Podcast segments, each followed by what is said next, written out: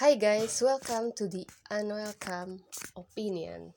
Nah, seperti judul podcast ini, unwelcome opinion, di sini aku akan coba buat ngebahas topik-topik yang mungkin um, banyak kontroversinya gitu dengan sudut pandang opini yang enggak populer barangkali ataupun dari namanya unwelcome berarti yang mungkin nggak bisa dengan mudah diterima gitu kan. Nah lanjut ya uh, tadi malam uh, dengan kuesioner yang coba aku lempar ke IG story di situ sebagian besar ya tentu jawab bahwa nggak setuju sama child free. Dan ada juga yang setuju tapi cuma ya mungkin 10% yang setuju sama child free terus dan semuanya uh, dari yang ikut voting itu terus semuanya pengen coba ngebahas gitu kan kenapa sih mesti setuju child free mesti menolak child free gitu oke okay. Let's go mari kita mulai. Nah sebenarnya awal mula aku bikin mencoba bikin podcast ini ya yang pertama karena ada hal-hal penting yang menurut aku nggak bisa aku pendam nggak bisa aku biarin begitu aja gitu kan? Yang mana sampai pada titik tertentu itu sangat mengganggu diriku kalau aku nggak mencoba untuk menyampaikannya nah sebenarnya awalnya aku nggak ambil pusing ya sama pendapat-pendapat yang setuju ataupun enggak tentang keinginan untuk enggak punya anak tapi ketika aku misalnya setiap aku mampir ke medsos gitu kan dengan niat buat nyari hiburan, refreshing, nyari pengetahuan baru, wawasan baru dan mengulik hobi-hobi aku yang baru itu selama pandemi gitu kan. Kalau misalnya uh, teman-teman bisa lihat di IG TV aku tentang pandemic talks gitu kan. Nah uh, oke okay, satu dua.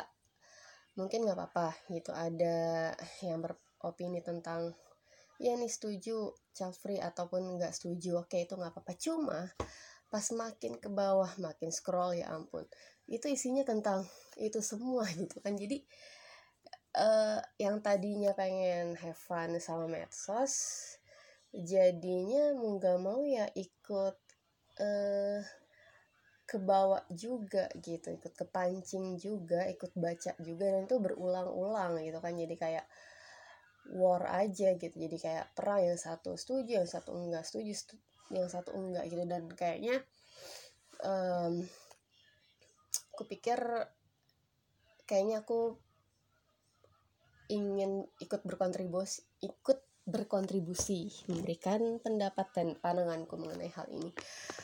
Kalau aku sih sebenarnya enggak anti anak ya. Iya tapi bukan berarti juga aku setuju tentang mudahnya memiliki anak gitu. Pada dasarnya setiap keputusan yang kita lakukan sebagai makhluk manusia dewasa itu harus dipertanggungjawabkan kan nggak cuma di dunia tapi di akhirat juga gitu. Dan karena sekarang saat ini kita hidup di dunia maka segala tindak tanduk kita itu pasti akan berdampak dengan banyak orang di sekitar kita maupun di dunia ini gitu. Karena ya perilaku sosial itulah yang bisa mempengaruhi perilaku personal kita maupun perilaku personal kita. Itu bisa mempengaruhi tindakan-tindakan sosial yang ada di luar sana. Jadi apa pun yang kita putuskan itu timbal balik dampaknya untuk sosial dan dari sosial kita di kehidupan kita sehari-hari. Dan aku yang pertama pengen aku bilang aku setuju sama child free itu yang pertama. Um, oke okay. mungkin aku klarifikasi dulu. Maksudnya aku setuju child free itu bukan berarti seumur hidup child free ya tapi mungkin untuk kondisi tertentu yang mengharuskan malah mungkin jatuhnya wajib gitu untuk child free. Kenapa? Karena aku lihat kalau di Indonesia ini ya uh, kebanyakan mungkin orang menikah itu dan punya anak itu lebih karena ya udah karena umur segini udah mungkin udah dibilang tua gitu udah di atas 20 di atas 25 atau mungkin udah 30 lewat tuh kayaknya mau nggak mau harus nikah segera gitu kan. Harus um, buru-buru deh dapat pasangan dapat suami atau dapat istri terus nikah punya anak gitu. Karena kalau nggak sekarang kapan lagi gitu kan kata orang tua atau kata nenek nenek kakek kita kata keluarga kita gitu. Nanti susah loh anaknya bakal cacat loh. Kalau misalnya nanti lahirnya terlalu tua di atas 30 di atas 35 atau umur 40 nanti nggak ada waktu lagi gitu buat main lebih lama dengan anak-anak. Nggak kuat lagi badan kita buat ngikutin perkembangan anak. Atau ya semua kemampuan fisik jiwa dan finansial kita mungkin lama-lama makin berkurang di waktu juga gitu. Kalau kita misalnya nunda nikah atau punya anak. Jadi sebenarnya yang aku perhatiin itu ya orang nikah itu lebih terutama karena ya udah nih ayo buru-buru. Maksudnya kayak karena udah waktunya menurut orang-orang nikah dan punya anak makanya punya anak gitu kan.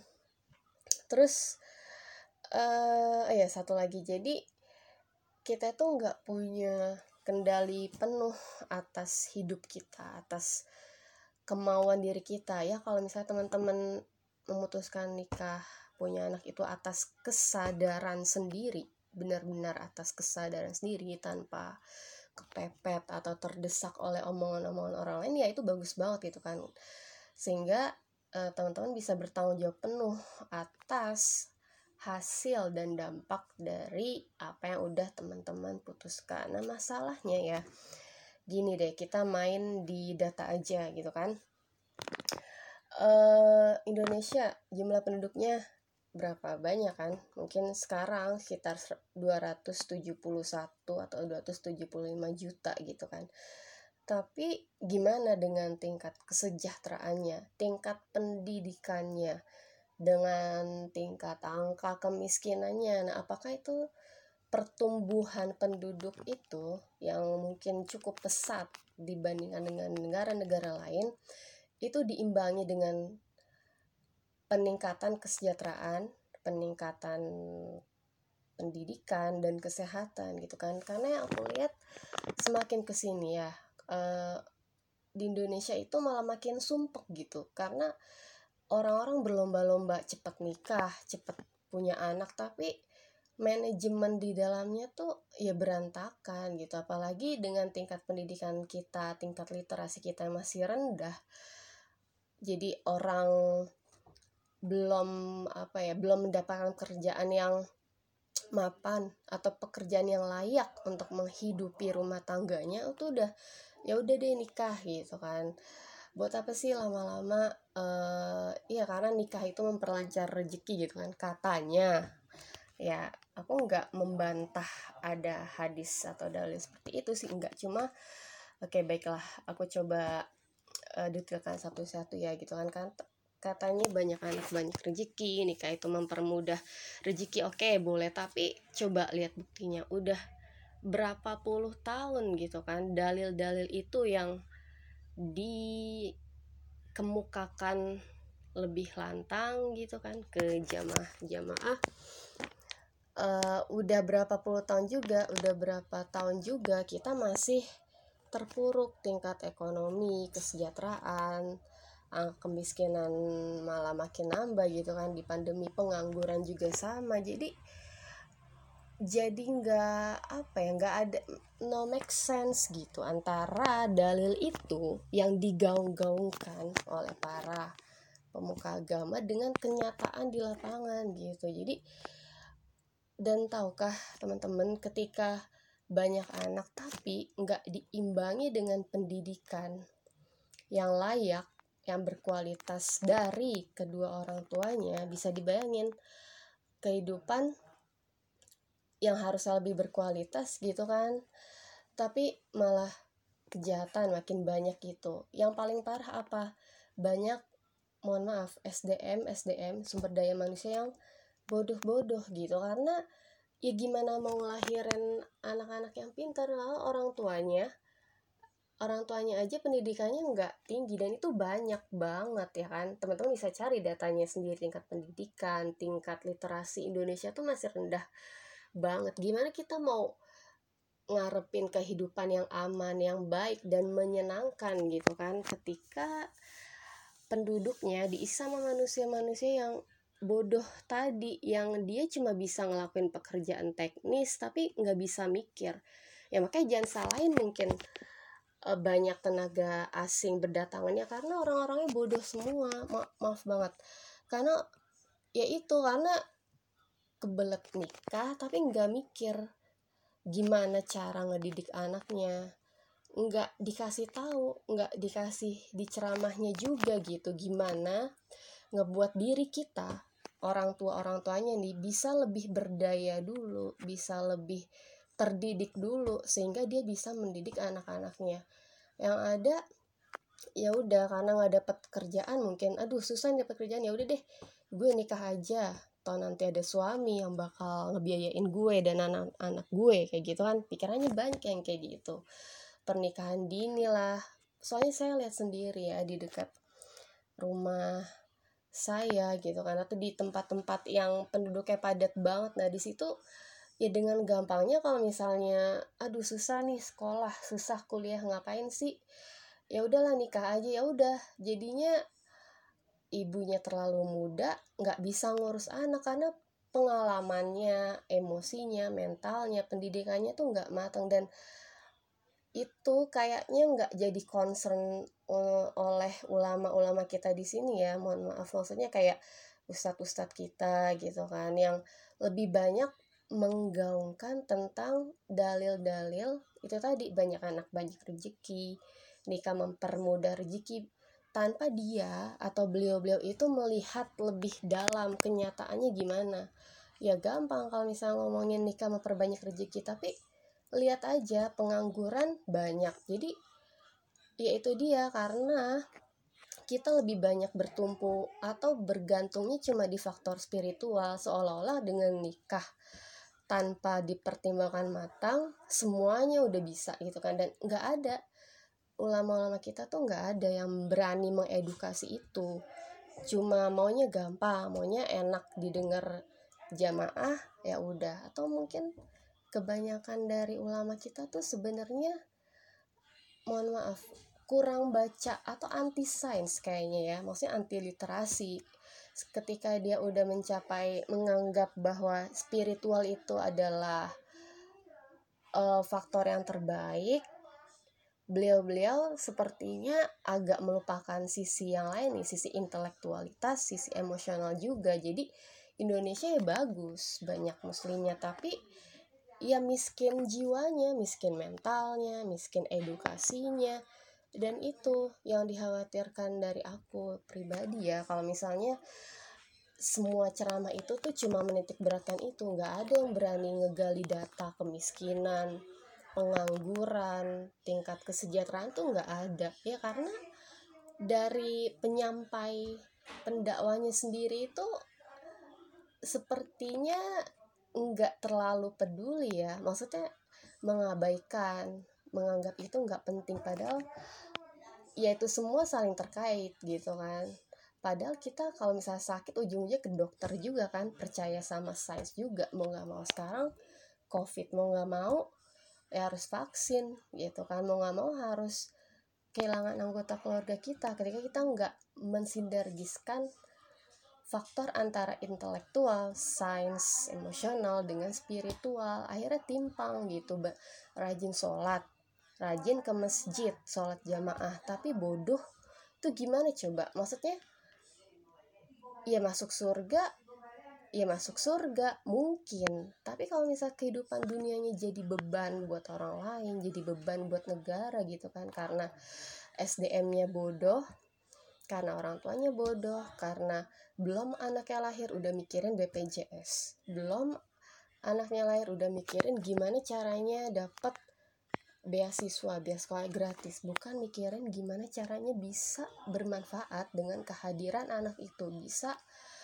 memberikan kon sedikit kontribusi kebaikan dan perbaikan untuk dunia ini gitu. Jadi kalau mis kalau aku sih ya kalau orang tuanya emang bisa ya maksudnya pendidikannya baik ya oke okay lah punya anak ba sebanyak mungkin mungkin nggak apa-apa gitu kan. Tapi ketika kita ngomong anti child free tapi kita nggak tahu fakta datanya gimana gitu kan dengan semua kesemrautan yang ada di sini aku pikir harus dipertimbangkan ulang lagi tentang penting gak sih child free gitu dan harus seimbang juga kalau misalnya mau kasih kajian atau ceramah ya cobalah pakai faktor intelektual faktor sains faktor emosi.